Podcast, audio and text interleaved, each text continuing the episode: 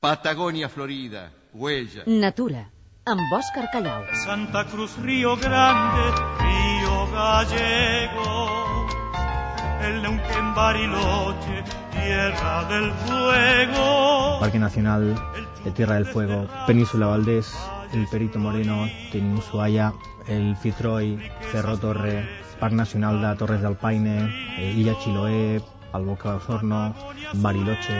Tot això va ser el recorregut. Fa només uns anys, aquests topònims que enumera el fotògraf Dani Tauste ens parlaven d'una terra remota i desconeguda als confins de l'hemisferi sud.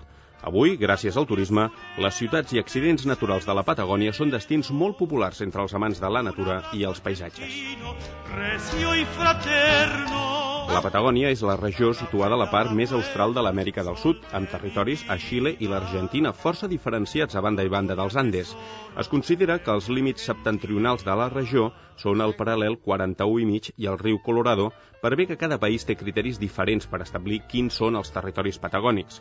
En tot, el Dani, que aquests dies presenta una exposició de fotos a Badalona, considera que la Patagònia és una terra que no entén de fronteres i així ha anomenat la mostra. A la part del nord tens la part de Península Valdés, que és quasi, quasi pampa, vull dir, és com una estepa.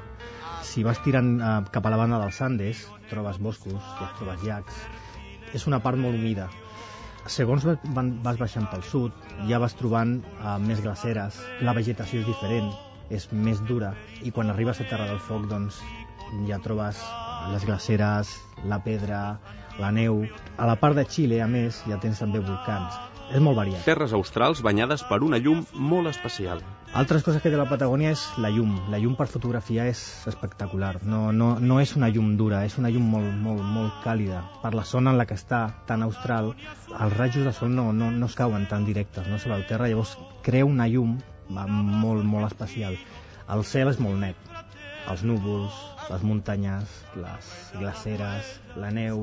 Vull dir, és una zona realment apassionant. Diversitat paisatgística, però també de fauna. Tens les balenes eh, quasi, quasi a tocar, no?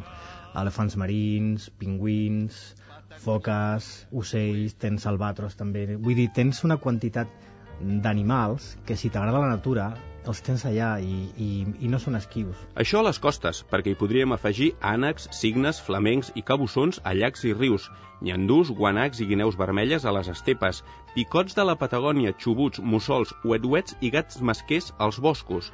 Més difícil, en canvi, resulta avistar els pumes. Amb sort, el viatger pot trobar-hi alguna petjada. I per damunt de tots, el còndor, amb unes ales que obertes arriben als 3 metres. Trobes això, trobes aus, trobes paisatges, trobes gel, platges, muntanyes... Trobes tot això.